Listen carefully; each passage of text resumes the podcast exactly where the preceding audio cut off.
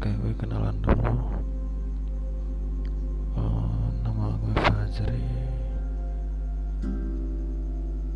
Gue kas gini.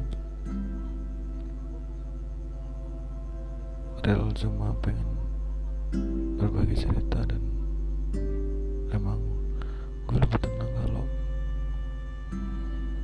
mengungkapkan cerita lewat suara. Gue baru sadar tadi malam. Eh tadi malam. Tadi pagi ini. Hmm, semuanya selamat mendengarkan ya.